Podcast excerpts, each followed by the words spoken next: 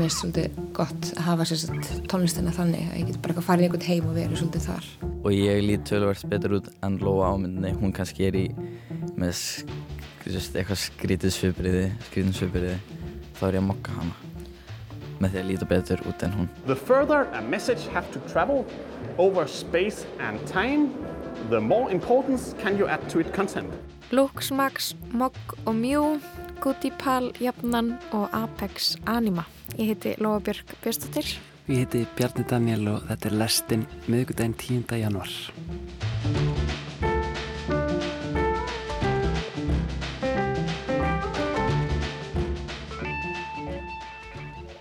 Það verður svolítið tónlist til umfyllunar setna í þættinum. Við fáum að heyra um danska og færiska tónlistamannin Goodipal. Það er Katrin Helga Ólafsdóttir sem að sendur okkur pistil. Þú kiktir í heimsókn. Já, ég fór nýri bæ í dag og talaði við uh, Unni Andreu Einarsdóttur. Hún er eh, myndlistakonna og tónlistakonna og uh, hefur verið að gefa út tónlistundi nafninu Apex Anima já, síðan á síðasta ári. Og við náðum bæði að sjá hanna í partí, skástrygg, tónleikum um helgina í nýlistasafninu. Það var svaka flott sjó með um, súlu og laser sem skust út úr hælunum. Einmitt, já, hann er búin að vera samstarfið við súlu, súludansara og, og, og hérna já, það er mik mikið að gerast uh, í, í þessu, þessu live sjói hjá henni. Um, við ætlum að heyra meir um þetta hérna eftir, en við ætlum að byrja ekstra allt annar staðar, eða ekki? Uh, jú, þarna lendur ekki stundum í því að, að þú heyrir úrlinga að tala saman og þú fattar að þú veist eiginlega ekkert hvað þau er að tala um og hvað þessi orð þýða Það kemur fyrir, jú, einmitt, þá, þá líður manna kannski eins og maður sé 100 ára gammal. Já, ég held að uh, margir lendi þessu, margir sem eru kannski ekki inn á TikTok eða uh, eru einfallega ekki úrlingar í SMS samskiptum við úrlinga og fá ekki reglulega þýðingar á nýjustu orðunum sem eru í umferð um þessa myndir. Þannig að mér langa að gera heðilega tilrönd til þess að uh, kynna uh, hlustendur fyrir nokkru nýjum orðum sem ég var að læra í gær.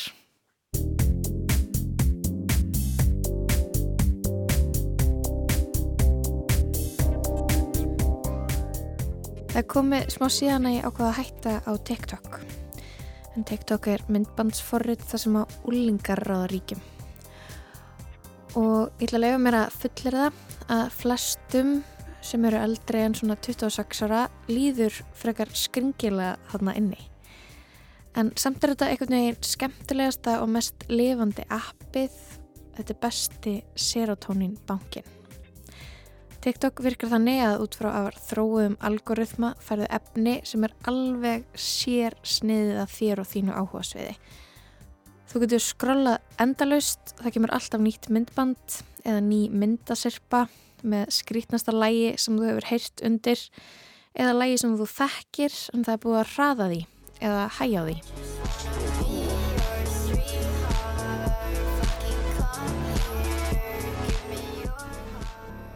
Til þess að einfalda líf mitt, til þess að vera minna í símanum, til þess að sjá minna af bylli og skrítnu og fyndnu dóti, sagði ég upp forritinu, eitti því út úr símanum mínum og hef ekki litið um auksl síðan. Þanga til í gær. Hvað standur hérna þér? Standur Too tired to piss, too full of piss to sleep. Og það er videórtölvuleik af manni að skjóta zombie held ég. Stundum heyri ég út undan mér eitthvað eða sé því bregða fyrir á heinum meðlunum sem ég er ennþá inn á kannski án samhengi síns sem það byggir á þá heyri ég eitthvað nýtt grín, eitthvað nýjan frasa heyrum nýja típu, nýja fagurfræði, nýja afstöðu eða skoðun, eitthvað sem kemur frá TikTok. En þetta forrið er í eigu úlinga og í gær lærði ég þrjú ný orð. Ég heiti Reynir Ólafsson og ég er nefndu við fjölbræðskólinni í Breðaldi. Reynir æfur með mér klefur, ég fór og hitta á hann í hátegisliði. Við ætlum að byrja að þeirra að skilja orðið lúkmaksa. Lúk eins og útlitt á ennsku, max eins og mest, lúk maxa. Það er sem sagt, um, eins og ég skilða allavega, þá er það þegar maður gerir eitthvað til þess að bæta útlitt sitt eða vera, líst ég að bara líta betur út hvort sem það er með að ferja ræktina eða gera svona ímest sem tengist andlit byggðinni þinni eins og að mjúa Ok, hvað hva er að mjúa? það er þegar maður þrýstir tungunni upp í góminn og uh, svona gnistir tönnum eða saman þá liftist einhvern veginn dótið fyrir neðan höguna þina Það varst ekki með undirhaugu í já, og með svona skarpri kjálka línur eða eitthvað þannig.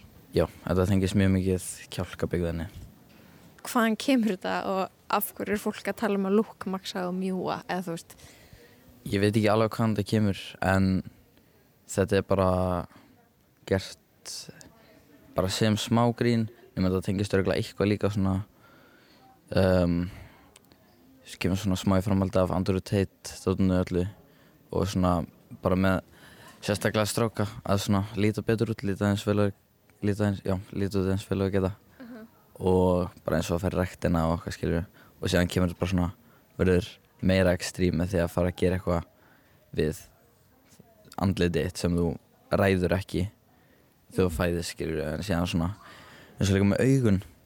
Já. það er talað um að er ykkur ákveðin augu flottar en önnur? já, það er til dæmis flottara það er svona sagt tveir punktur á augunum. Það er svo sem er við hliðan á nefniðinu og svo svo sem er fyrir utan. Ef það svo sem er fyrir hliðan á nefniðinu ef hann er hærri en hinn þá ertu með um, fórnarlamba augu og það er verra og þá ertu með negative cantal tilt Okay. en ef, ef það er hins einn þá ertu með uh, veiðimanna augu, eða hunter eyes Looks maxing is the idea of maxing out your looks in every way possible. It has become quite the buzzword. Looks maxing, the art of maximizing your looks. Place the tip of your tongue slightly behind your teeth, then press the rest of your tongue to the roof of your mouth. Then rest your teeth together slightly. Close your lips. Create a suction hold by swallowing your saliva repeatedly. Meeks has equal facial third, almond hunter blue eyes with the ideal positive canthal. Number seven, keep your teeth clean. Floss every single day. Reynir myndist á Andrew Tate. Þetta er Andrew Tate.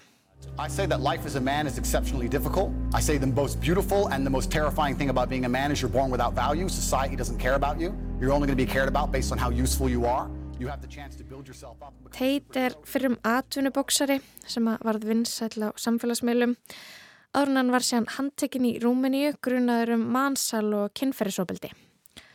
Aðal umfjöldunarefni Tate í hlaðvarpinu sínu og allri framkoma á netinu er karlmannska.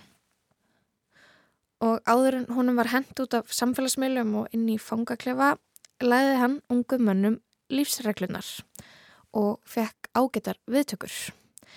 Hvernfyrirlitning, fordómar og íhaldsemi er rauður þráður í hans hugmyndum um lífið og tilveruna. Uh,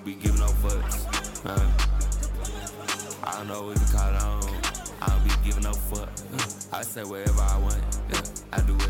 Já, þetta er þessi pæling með eitthvað svona smá karlmennsku og eitthvað alfa stemmingu líka og tjómyndist á Andrew Tate. mm já, og þetta er svona já, svona alfa svona sigma, hérna Hvað er Sigma? það er bara held ég ofar en alfa Það er betur að vera Sigma en alfa. já, ég held það, en ég held að það tengist líka því að um, ég held að svona sigma já, já, alfa er veist leiðtói hópsins en sigma er hérna það ekki svona lone wolf? jú, einfarin, jú.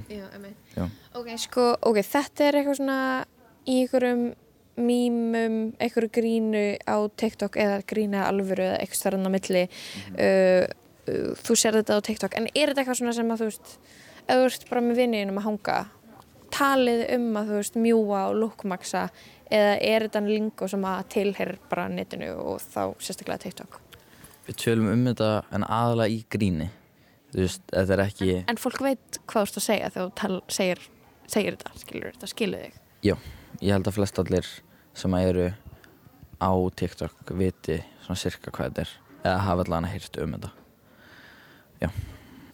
Ferði ómeð þetta að gera þetta? Erstu byrjar að þú veist mjúa þegar eitthvað tekur upp myndæluna til þess að líta betur út á myndinni? Til þess að lukkmaksa Sko ég hérna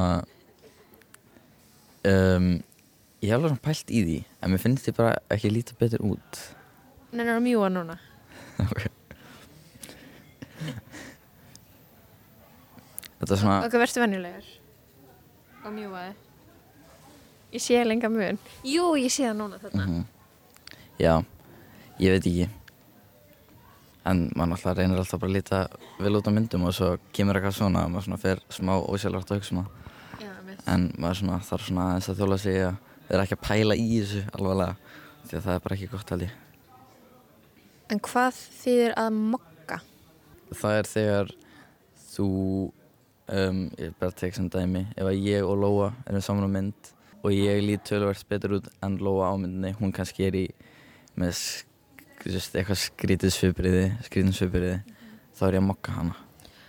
Með því að líta betur út en hún Og þú ert kannski jafnvel að mjúa á saman tíma og þú ert að mokka. já, gæti verið Þú getur alveg gert bæði einu. já, það er hérna það er um, ekki háð hver öðru Þarna, eru ykkur fleiri frasar sem ég er að missa af inn á TikTok núna fyrir utan að mjúa, mokka og lúkmaksa? Ég veit ekki þannig er alltaf eitthvað eitthvað rugl en ég held svona að þetta er aðal allan þegar kemur að þessu um, þannig er kannski orðið frekar þekkt núna en riss Ok, hvað er riss? Er það ekki R-I seta seta? Hvað þýð það? Hvað er að vera með riss? það er stytting á karisma sem er bara ef þú ert já, það veit held ég flest hvað karisma er Sjarmerandi. sjarmerandi, já En er þetta ekki líka einhvern veginn í samhenginu, þú veist, að rissa einhvern? Jú, jú. Að þú veist, Það eitthvað, ert þú? Já, það heilla einhver manneski eða svona ef, ef þú ert að reyna við einhvern og það tekst þannig séð þá ertu búin að rissa þá manneski upp Bitch, you know I'm sexy. Ugh, don't call, just text me. Bitches slow, can't get on my speed. They stare cause they know I'm the I-T-G-I-R-L.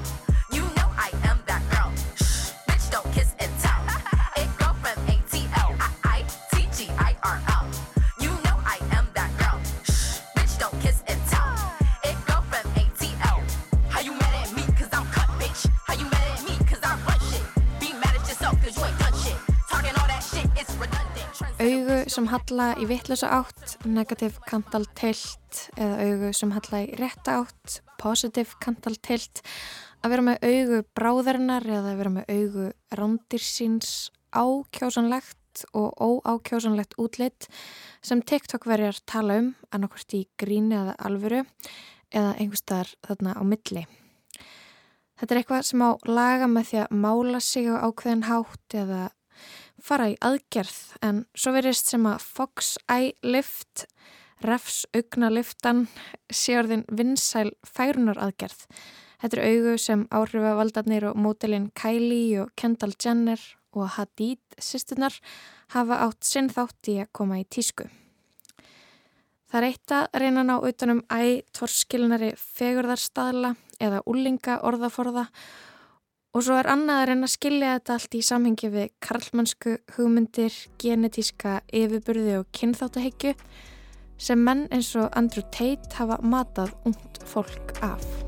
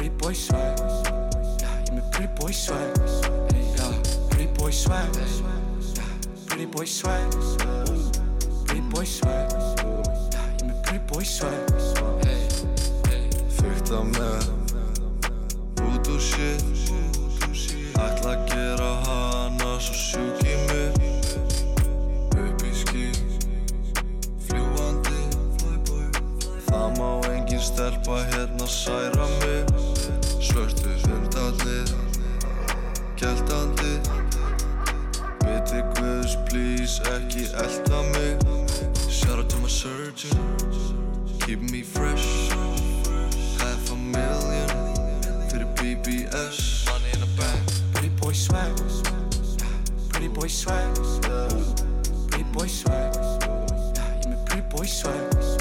Yeah, pretty boy swag. Pretty boy swag. Pretty boy swag. Yeah, you mean pretty boy swag. Pretty boy swag. Stop blah.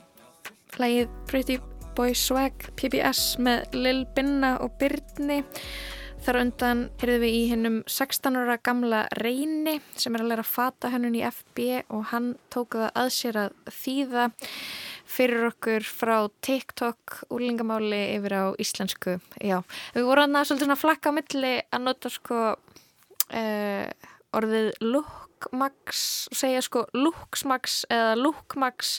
Ég var eitthvað aðeins að rugglast. Maður sér svona looksmax það er S í þessu. Þannig að ekki fara að segja þú sérst að lookmaxa Já, það væri- það kjánulega. Já, þú segja þú sérst að look, looksmaxa Mhm. um, en ég vona að ég sé ekki að mokka þig hérna, Daniel. Eh, Nei, bara takk, takk fyrir að útskýra þetta. Það er, hérna, það, er, það er þakklátt Það er gott, að vita hérna, hvað er í gangi.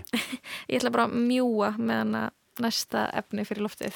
Já, næst er það Katrín Helga Ólafsdóttir sem tekur við. Og náttúrulega að segja okkur frá tónlistamanninum listamanninum, aktivistanum kennaranum Guti Pall hann er eh, ættaður frá Danmörku og Færium og stofnaði nýverið hljóðfæra bókasafn í Þórsöfn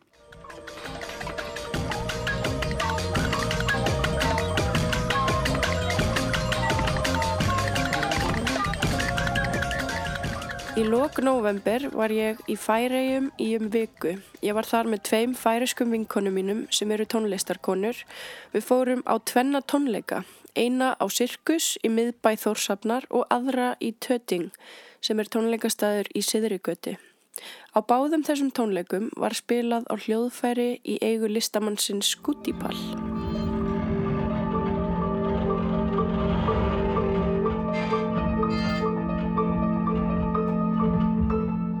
Á tónleikunum á Sirkus sem við heyrum hér hljóðbrot frá spiluðu Kristján Black á piano og Lasse Jäger sem kemur einni fram undir listamannsnafninu Supervision á ymsa hljóðgerfla. Þar af einn sem var smíðaður og lánaður af Gudipal. Gudipal er dansk-færiskur og hefur í ár farið 50 ringi í kringum sólina og brallað ímislegt á þeim tíma. Hann bjó lengi í Kaupmannahöfn og hefur ferðast víða en er um þessar myndir búsettur í Færiðum. Hej, det er Jyttepal, og øhm, dette her er jo et, en musikbibliotek. Det er et gratis musikbibliotek at anvende. Alle kan tage instrumenter hjem, spille, og det er bare folk afleverer dem tilbage, når de har anvendt dem. Alle instrumenter, jeg nogensinde har spillet på. Hann opnaði nýlega hljóðfæralánsapn í Þórshöfn, eins konar bókasapn nema það lánar út hljóðfæri. Það þarf ekkert bókasapnskort, bara sækja lekil í sirkus og fá að fara inn á sapnið sem er í nálægu húsi sem kallast Finsense. Þar er hægt að fá lánuð öll hljóðfæri sem Gudipal hefur áskotnast á æfinni. Þar eru allskins skrýtnar bjöllur og nefflautur og hljóðgerflar sem Gudipal hefur smíðað eða breytt sem má fá að láni undir þeim formerkjum að maður beri virðingu fyrir hljóðfærunum og skili þeim í skikkanlegu ásökkomilagi. Sapni verður opið næstu þrjú árin, segir Gudipal í kynningarmyndbandi fyrir hljóðfærasapnið á YouTube. Biblioteket kører tre år, og altså meningen er, at der er ingen kontrol. Og man- ingen, øh, ingen institutions, ingen øhm, penge bag, kun Gudipal til fri afbenyttelse. Klokker, øh, bjælder, switchboxe. For analog computing, signal 0 eller 1.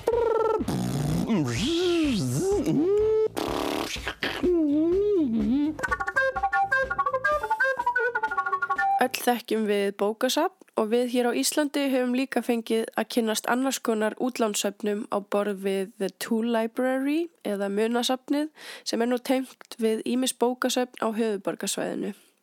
Þar er hægt að fá að láni allt frá borvél eða tjaldi til popvélar. Það er alveg frábært framtak þar sem er ekki þörf á að allt sé til á hverju heimili. Það er bara hægt að fá að láni, til dæmis pizzaopn í ammælisveislu einu sinna á ári, svo þarf ekki að láta hann taka pláss í geimslunni því honum er skilað á sapnið og næsti fær að nota hann í sinni ammælisveislu eða við hvaða tilefni sem er. Der tager du et instrument hjem til dig selv. Nøglen ligger hos Sundberg. Du går ned på Cirkus og siger, hej, kan jeg tale med Sundberg? Jeg tænker en, en nøgle til disse ting. Um, der får du der er det bare rock and roll. Hljóðfærasafnið í Þórshöfn verður opið næstu þrjú ár að minnstakosti og ég myndi halda að það eitt og sér væri ástæða fyrir ymsa áhuga sama tónlistamenn til að fara í pílagrímsferð til Þórshöfnar. Ég er sjálf tónlistarkona og veit að það er hægt að bindast hljóðfærunum sínum sterkum böndum og það að vera tilbúin að lána öll hljóðfæri sem einhver hefur sangað að sér um æfina og treysta fólki fyrir þeim finnst mér ótrúlega fallegt. Hver gerir svona? Hvaða maður er þetta og hvað annað hefur hann gert?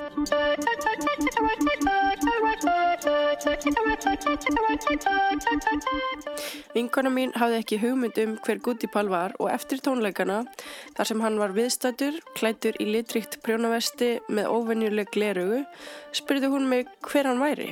Ég fór ég að reyna að útskýra það fyrir henni. Uh, já, sko, hann er aftónlistamæður eða tónskáld en samt var hann líka kennari en samt er hann kannski eiginlega frekar myndlistamæður og eða kannski er hann bara aktivisti.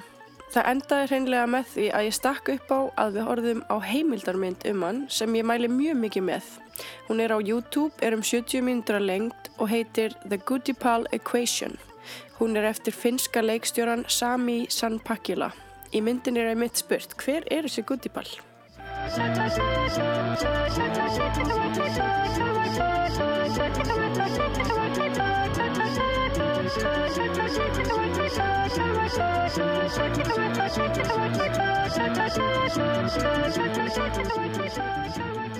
Hún fylgir honum í gegnum nokkur ár í ævintyralegum lífstíl þar sem hann hjólar út um allar trissur á velómóbíl. Hjóli sem Karl Georg Rasmussen bjóð til og fá eintök eru til af. Rasmussen smíðaði flugvilar og vildi nýta sömu tækni að búa til strömlínulaga faratæki á jörðunniðri sem gengi ekki fyrir ólíu. Eintakið sem Goodipal á og hefur átt við heitir Communal Clone Computer 2. So here we are. This is the bike. It's called Kommunal Clone Computer 02. And the interesting point is that I slowly turned into Kommunal Clone Computer 02 because I spent more time in the bike than without the bike. So I actually like to, to think of the bike as me and I become Kommunal Clone Computer 02. And uh, when I'm in the bike, I, I, try to imagine that it is my body and uh, that is how I am. So Kommunal Clone Computer 02 is the new name for Rötjipal. Velomobile gengur fyrir mannafli. Það er á þremur hjólum og aukumæðurinn situr neðarlega í sæti og notar fæturnar til að hjóla. Það líkist örlítið framhluta flugvélar því er stýrt með höndunum og á því er lítill gluggi sem hjólreðamæðurinn horfir útum. Í myndinni kynnust við líka ömmu Gútipals og mömmu og sjáum henni hús sem hann á. Þar býr fjöldi af fólki sem á ekki í önnur hús að venda og fólki sem smíðar modular sinn það. So this is my house, believe it or not. I almost own it, and I'm never here. And I pay for all these uh, crazy people, and uh, that's how it works. So um, we keep we keep them uh, rocking. Well, it's not entirely true. They pay, pay part of it ourselves, but I have put up the money so the house has a place, and it's some sort of place where they can come and do their things in various ways. Uh, some of them are very busy with electronics, and some of them are very busy with drinking, and it's a strange mixture between that. Einni fáum við að kynna slitrika karakternum Pól Erik sem er skrítin skrúfa og góður vinur Guttipals.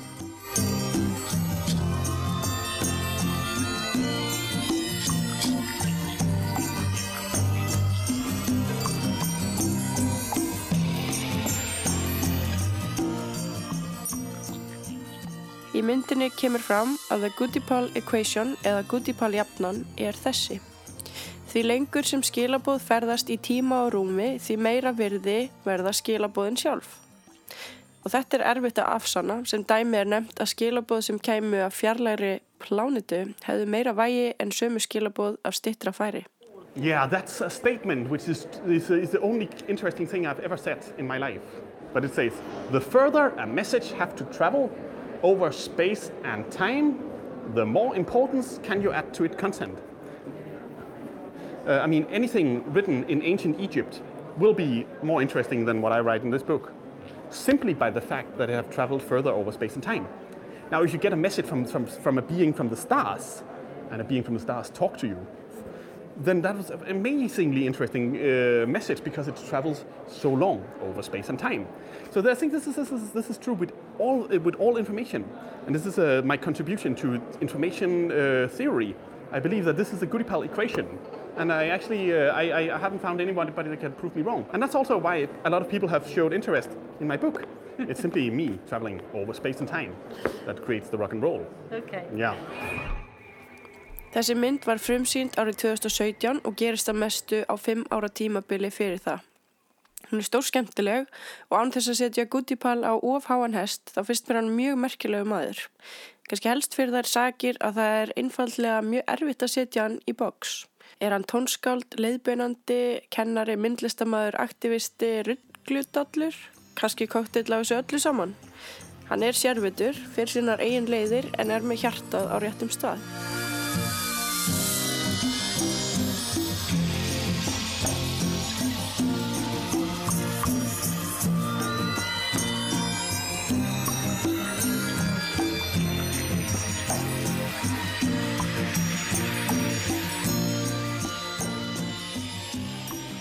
Ég hitt hann fyrst 2021. Þá var ég nýflutt til Kaupmannahafnar í þryggja mánuða starfsnám og fyrirverandi kennari minn úr LHI benti mér á að hafa samband við hann. En hann er einn þeirra sem eiga ekki síma og er ekki almennt á samfélagsmiðlum svo eina fáum leiðum til að ná í hann er að senda hann um skilabóð á Skype. Svo ég opnaði Skype aðgangi minn aftur eftir áralanga pásu og sendi skilabóð. Goodipal tók mér opnum örmum og var einn af þeim fyrstu sem síndi mér kaupmannahöfn. Ég man að hann keipti reysastóra vassmjölónu og borgaði mig klingi í ávakstabúð á nörubruggaði meðan hann var að sína mér borgina og saði mér allskinn sögur. Sumar voru um hvernig hann og nynni konan hans höfðu verið að reyna að hjálpa flóttafólki í Serbíu og hugmyndafræði hans um ráftónlist. Við löpum með handteknað ammaliskort til vinafólks hans þar sem strákur sem var að verða 6 eða 7 ára fekk ævintýralegt handskreitt ammaliskort frá Goodipal.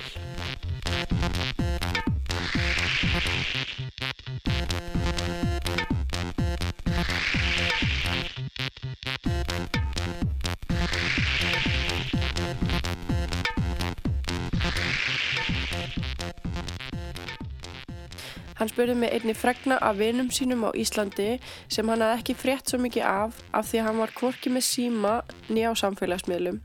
En hann hafði gert ímislegt á Íslandi á fyrri árum með tónskálda og listasamlæginu S-L-A-T-U-R eða slátur. Mér búið í gremmetislasanja heima hjá honum og ninni.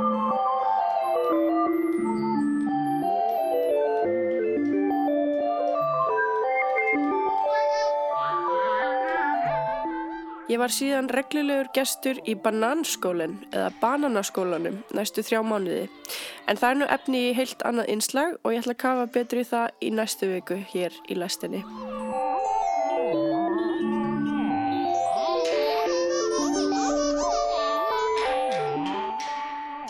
Mér finnst ótrúlega fallegt hversu gjafmildur og opinn Goodipal getur verið við fólk sem hann hefur enga ástæðu til að treysta.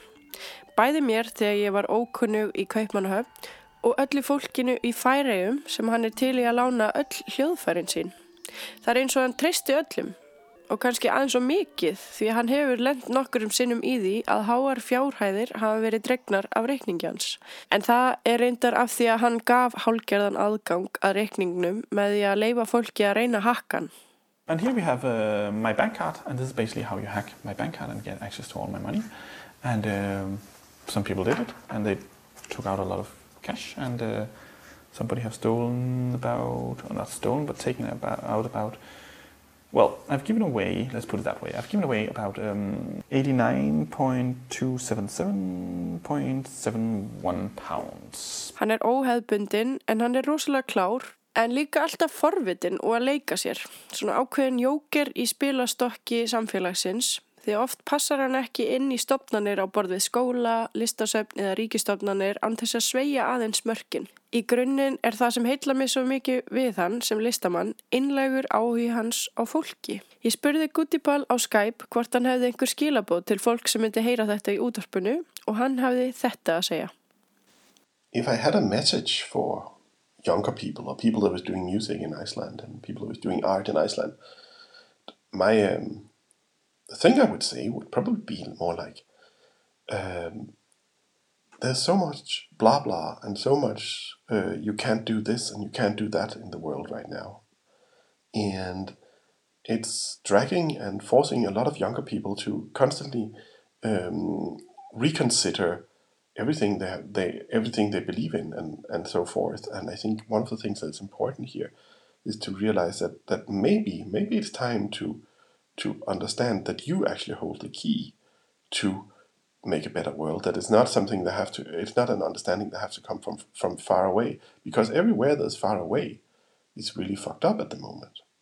So maybe, just maybe, you as young individuals hold exactly what is right to create a better world instead of saying that somebody far from far away uh, has an agenda that, that, that you would like to tap into. Uh, for, for the last seven years, young people have been constantly been saying like, "Oh, I can't say this, I can't do this, I can't do this, and I can't do that," and that is uh, something that probably has to change. Já, þessi skilabóð voru beinustu leið frá Guðipal og voru nokkuð á það leið að ef hann er með einhver skilabóð til ungs fólk sem er að gera lista á Íslandi þá vill hann segja að það er mikið að kjáftæði og margt bannað í heiminum í dag. Það neyðir mikið að ungu fólki til að endurhugsa allt sem það trúir á og hann langir til að segja því fólki að þú heldur á likli að betri heimi.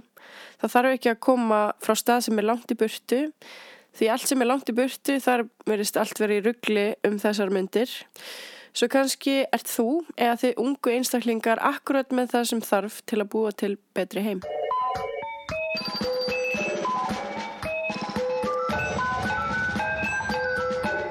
Þessi skilabóð finnst mér eiga við á marga vegu, bæði í list og lífi og þegar maður hugsa um að búa til betri heim með því að hjálpa öðrum. Þegar kerfið er einhvern veginn snið þannig að ekki er hægt að hjálpa fólki neyð vegna þess hver kassalega kerfið er, þá má alveg hugsa aðeins út fyrir það og fara sínar eigin leiðir. Með lít hjarta á móti kössum kerfisins.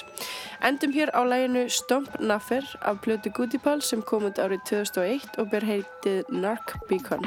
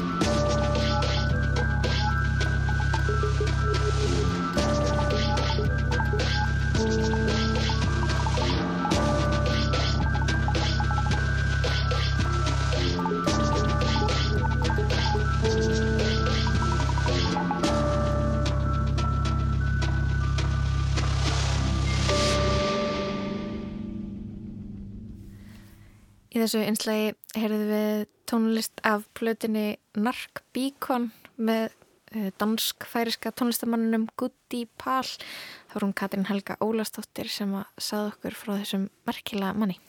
Stórmerkilur kall og, og hérna ég er aðeins búin að vera að glugga í sagt, heimildamindana sem hún vísar í þarna í, í þessu einslægi uh, The Gutti Pál Equation, Gutti Pál Jafnan sem er aðgengilega á YouTube og þetta benda á það. Þetta, þetta virkar eins og hérna já opuslega skemmtilegur fyrðufugl mm -hmm. sem er gaman að fylgjast með, gaman að heyra hvað hann er að pæla. En uh, næst ætlum, ég ætlum að halda áfram að pæla í tónlist. Uh, ætlum að kynnast henni unni Andreu Einarsdóttur listakonu en hún gefur út tónlist undir nafninu Apex Anima. Uh, hún hefur fengist í öfnum höndum við tónlist og myndlist í mörg ár en fór fyrst að fykta við pródúseringu á eigin ráftónlist hún var í mastersnámi í myndlist í Núri uh, og það var þá sem hún laði grunninn að sinni fyrstu plötu Elf F.O. sem kom svo út í nóvambur á síðast ári hjá plötuútgáfu Mr. Sillu Making Records uh, Já, unnur vinnur mikið á mörgum myndlistar og tónlistar og þessi plata hefur fengið svona nokkuð jákvæðar viðtökur uh, hlaut meðal hans krömsvelunin á dögunum en já, ég er sérst gerð með ferð nýri bæ í dag og hitti á unni í stúdíón hennar í Kjallara í miðbænum Hefur ekki bara að gefa henni orðið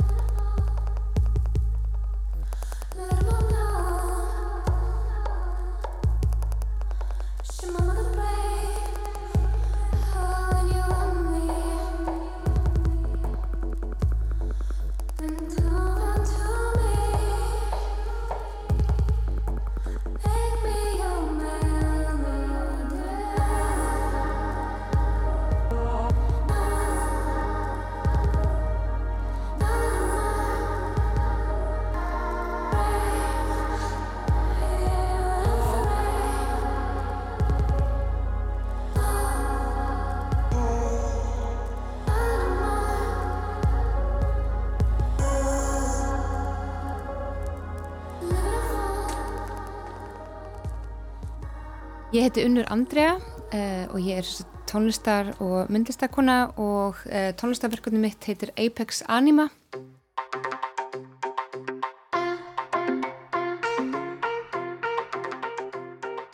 Uh, sérst, ef ég tala um tónlistina þá hef ég verið lengi, lengi, lengi að syngja bara, veist, bæði með böndum og artistum og líka bara svona verið að vinna svolítið sjálf líka sérst, semja tónlist í svolítið langan tíma en tók því ekkert kannski rosalega alvarlega og var ekkert mikið að gefa út fyrir núna.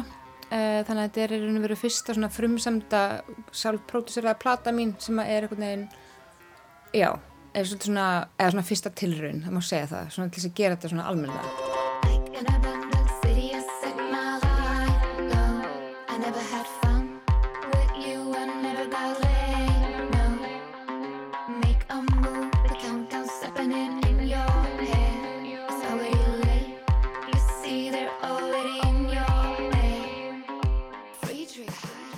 ég er nefnilega búið svo lengi erlendis, ég er búin að búa 11 ár úti, ég var sérstaklega í Berlín í 6 ár og svo fór ég til Norex uh, í mastersnám uh, í myndlist.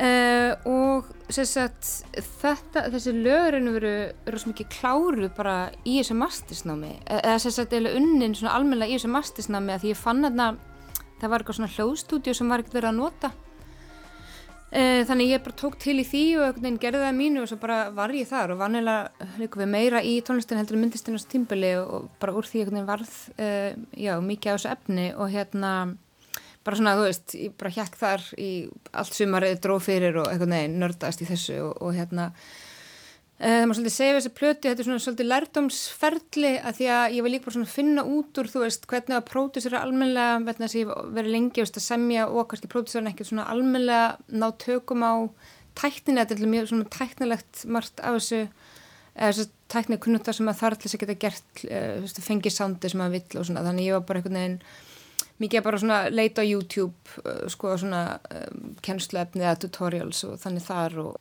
og svo núna einhvern veginn að ég lít svolítið á þessa plötu sem svona já, svona frumrun svona eins og tilraun svolítið og, uh, og það, ég er sko einhvern veginn auðvitað svona fullkomnar sinni þannig að ég hlusta stundum á laugin og hugsa og þetta getur verið betra þetta er betra en veist, það er bara gott að sleppa sér frá sér og veginn, halda áfram með eitthvað nýtt sem að ég líka er að gera í auknumbygginu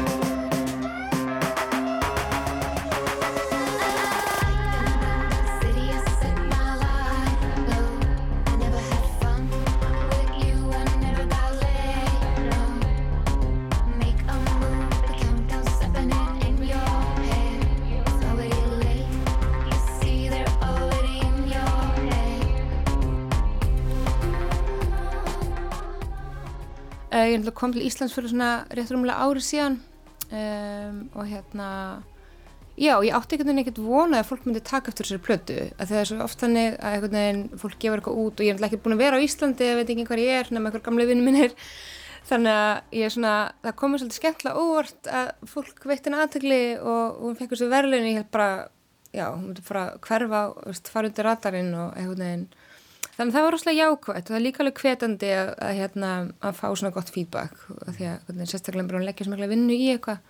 Uh, þannig að já, ég er bara svona spenntið að halda áfram með þetta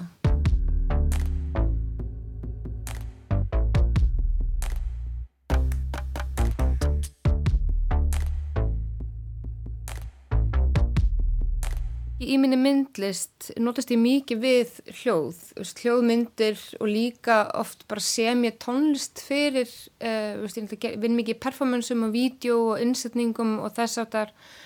Þannig að það er alltaf, veist, þetta tengist, það er einhvern veginn, eins og, já, eins og segir, svona snertiflettir, uh, en svo einhvern veginn er sumt sem er bara, þú veist, hugsa sem myndlist og sumt og þetta er alltaf bara tónlistaprojekt, en það er alltaf gott sko að geta einhvern veginn lifta þessum heimum svolítið að vinna saman og þegar ég er að gera eitthvað lag það er svona sjónrætt svona heimur koncept í kringum raun og veru hvert lag. Það er eitthvað svona, þú veist já, ég vinn svolítið þannig, ég fer inn einhvern svona heim og, og þetta lag er á fjallum veist, þetta og það er, kannski sé ég fyrir mig einhverja manneski eða eitthvað umhverfið eða bara eitthvað plánutu eða eitthvað, veist, og þar er ég bara og það minnst það líka svo gaman að geta einhvern veginn. Og það sem er svo skemmtilegt um músíkina það er meira svona rauntíma einhvern veginn uh, ánægja vegna þess að þegar þú ert að búa það til þetta er kannski svipað svo að teikna þú veist að því þú ert einhvern veginn þú, þú veist, þú ert að gera eitthvað svona í rauntíma uh, þetta er ekki, ekki svo teikna en svona í myndist það verður þetta ofta svona mikið próduksjón þú veist, þú ert að skipulega eitthvað þú ert að svona pródusera eitthvað, ringa ykkur símtöl og eitthvað neginn, minnst það er svona það er svona bufferinn veist, uh, þessi ánægja sem að fær að því að bara búa til eitthvað bara hér og nú sem að svara þér hér og nú það er einhvern veginn öðruvis en svona já, að pródusera eitthvað stóra síningu þannig að mér er svolítið gott að hafa sérst tónlistina þannig að ég get bara eitthvað farið í einhvern heim og verið svolítið þar. Now we together and we listen to some music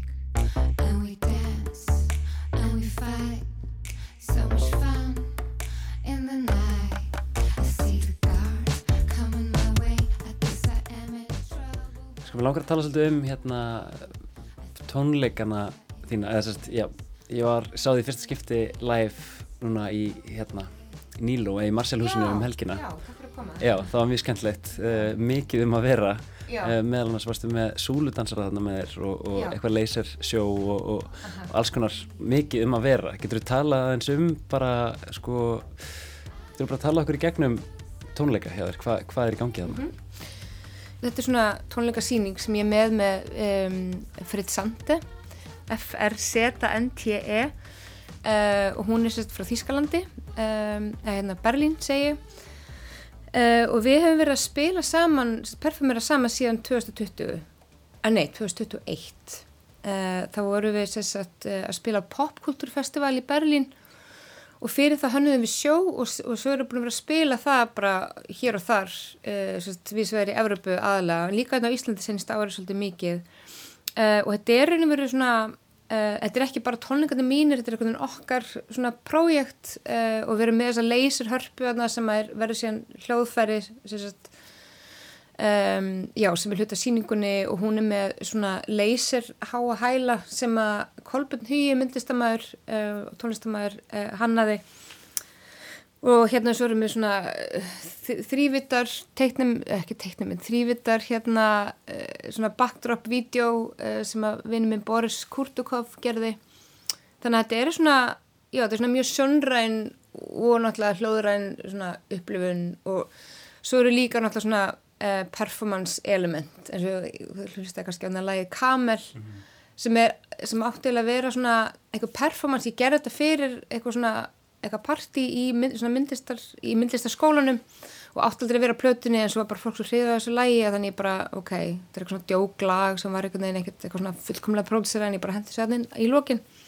Um, og svo erum við að reyna að vinna að gera þetta meira svona af svona pe- performative um, síningu, þannig að verður meir með svona performance elementum og svona kannski meira leikrænt og við erum líka að dansa og gera eitthvað spór og náttúrulega dansari og svona, þetta er svona allt bara.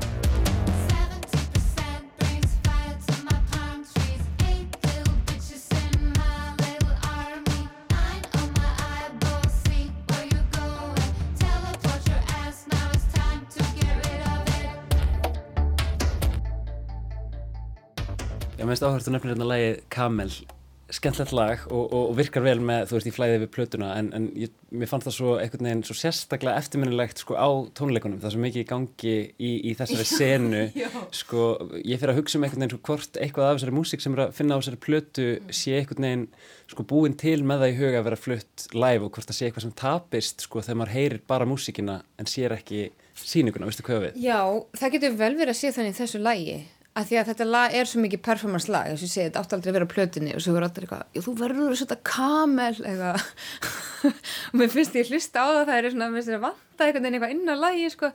en æsvað er ég bara, eitthvað, æ, ég, ég er búin að gera það, ég gef þetta bara út ég er ekki að fara að vinna aftur í því ég, veist, ég bara nenni ekki, ég bara halda áfram skilu fyrir mér er mikið og bara pínu gamalt þannig að hérna um, já það getur vel verið að tapast en það verður fólk bara að koma á tónleikuna og sjá þetta í sinni fullri dýrð Dad, I would like a camel. I would like many camels. Like hundreds, thousands of camels. So many camels. Dad, I would like a Lamborghini.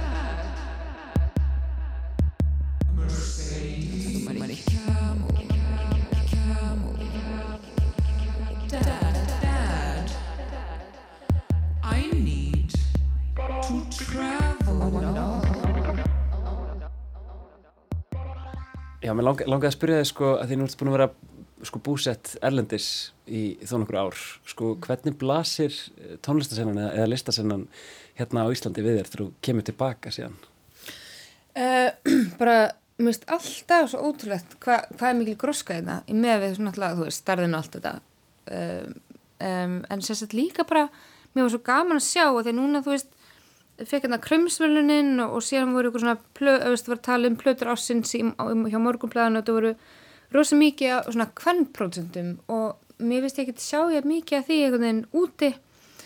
Uh, mér fannst svona út í Nóri þá voru svona einhvern veginn sumar svona einhverja kvart yfir því en mér fannst líka bara að ég veit ekki uh, mér finnst þess að fólk sé ekkert mikið að pæla þessu vandamál hérna og gera bara hlutina veist og ég var rosalega ánað mér var stað skemmtlegt, komið skemmtlega óvart. Um, og hérna og líka bara einhvern veginn, þú veist, mér finnst senan hér, það er allir einhvern veginn þú veist, svolítið vinir og þú veist, þótt að fólk sé að gera rosalega ólíka hluti og mér finnst það alltaf svo jákvægt mér finnst ekki svona að vera eitthvað svona samkeppni eða neitt þannig millir fólks, mér finnst þetta bara að vera allt svona rosalega eitthvað kamo og, og líka bara mikil gróska og svona mikil marga tegundir af músík. Þannig að ég er rosalega ána með það. Mér finnst það rosalega, og ég er náttúrulega bjóð í þrámteimum í Nóri sem er kannski svona ég fór frá Berlín til Þrándheims og það var ekkert alveg rosalega spennandi. Fyrst en ég náði að koma rosalega miklu í verk sko en það er svona mjög svona, gott að koma að hinga sem er einhvern veginn eitthvað meira líf kannski en akkurat þar. Þannig að já, mér finnst það bara mjög jákvæmt Thank you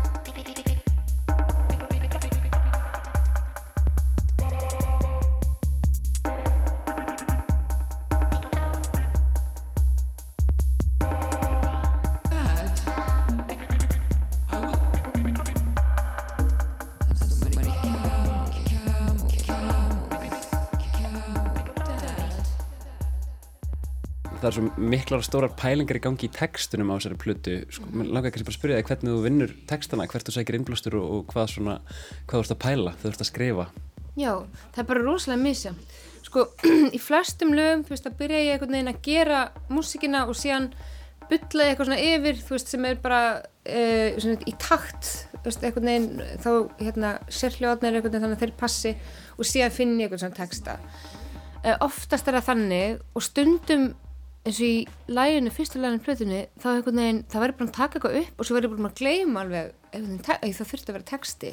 Og ég syng það raun og bara live, annars er ég bara eitthvað svona eitthvað svona eins og þú veist, minn, þess að maður er bara búið til eitthvað hljóð, einhvern veginn frekar sem eru bara hljó, einhvern veginn svona hljóðrænt er bara svona hljóðfæri frekar en endilega eitthvað texti.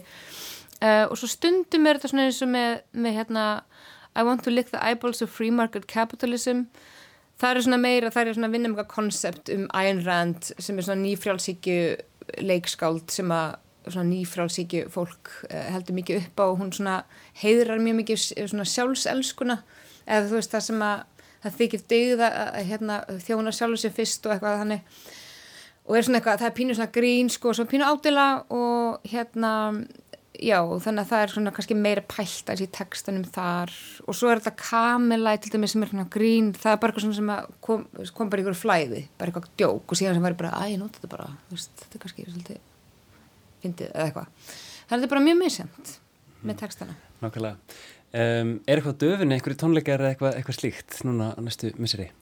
Jú, ég held að við sem, við erum mjög líklega að fara að spila á lunga og svo, hérna, uh, ég er náttúrulega með eitthvað myndlistaverkefni núna í mæ, annars er, já, ég er eiginlega bara mest núna að fókusera á, hérna, uh, bara nýtt efni, sko. Og, og hérna, halda áfram að þróa þessa tónleika með uh, Fritz Sante. En tónleikar, ekki, ekki sem ég man í augnablikinu. En það kom alltaf upp, sko. Þannig að þá bara erum að gera fylgjast með og mænda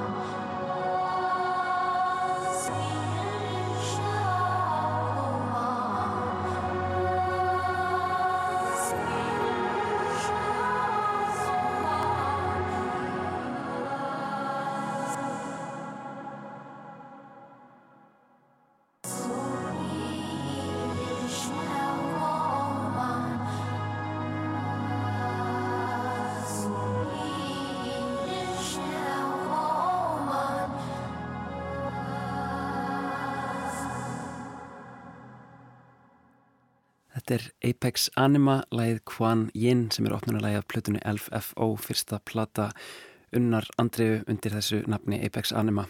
Stór skemmtilegt að ræða við hana um þessa plötu og, og svona það sem hún er að pæla. Einmitt, um, sko, þegar ég fór að tjekka á Apex Animu, þarna uh, þá rifjast upp fyrir mér hljómsveitin Cocktail Vomit sem að Unnur Andrea var í um, fyrir svona næstu því 20 árum og þá þetta fræga lag uh, þar sem að uh, þessi fleiga lína are just a rækjusalat það var eitthvað svona minning sem poppaði allt í einu upp í hausina mér Það ringir engum fjöllum, ég verði að segja. Ekki? Nei, Nei þetta, þetta, er kannski fyrir minn tíma, ég veit það ekki. Já, þetta var allavega, þetta var örugglega á MySpace þetta var bara einhvern veginn lag sem var einhvern veginn að ganga manna á milli á netinu um 2006 uh, ég var að spá ykkur þetta mikið bara enda lestina í dag á því að heyra eins uh, í koktelvómið Mér finnst það frábær hugmynd. Við Bjarni Daniel og Lóa þökkum samfélgin í dag, tæknumar var Lítja Gretastóttir Verið sæl. I'm somebody. Are you somebody?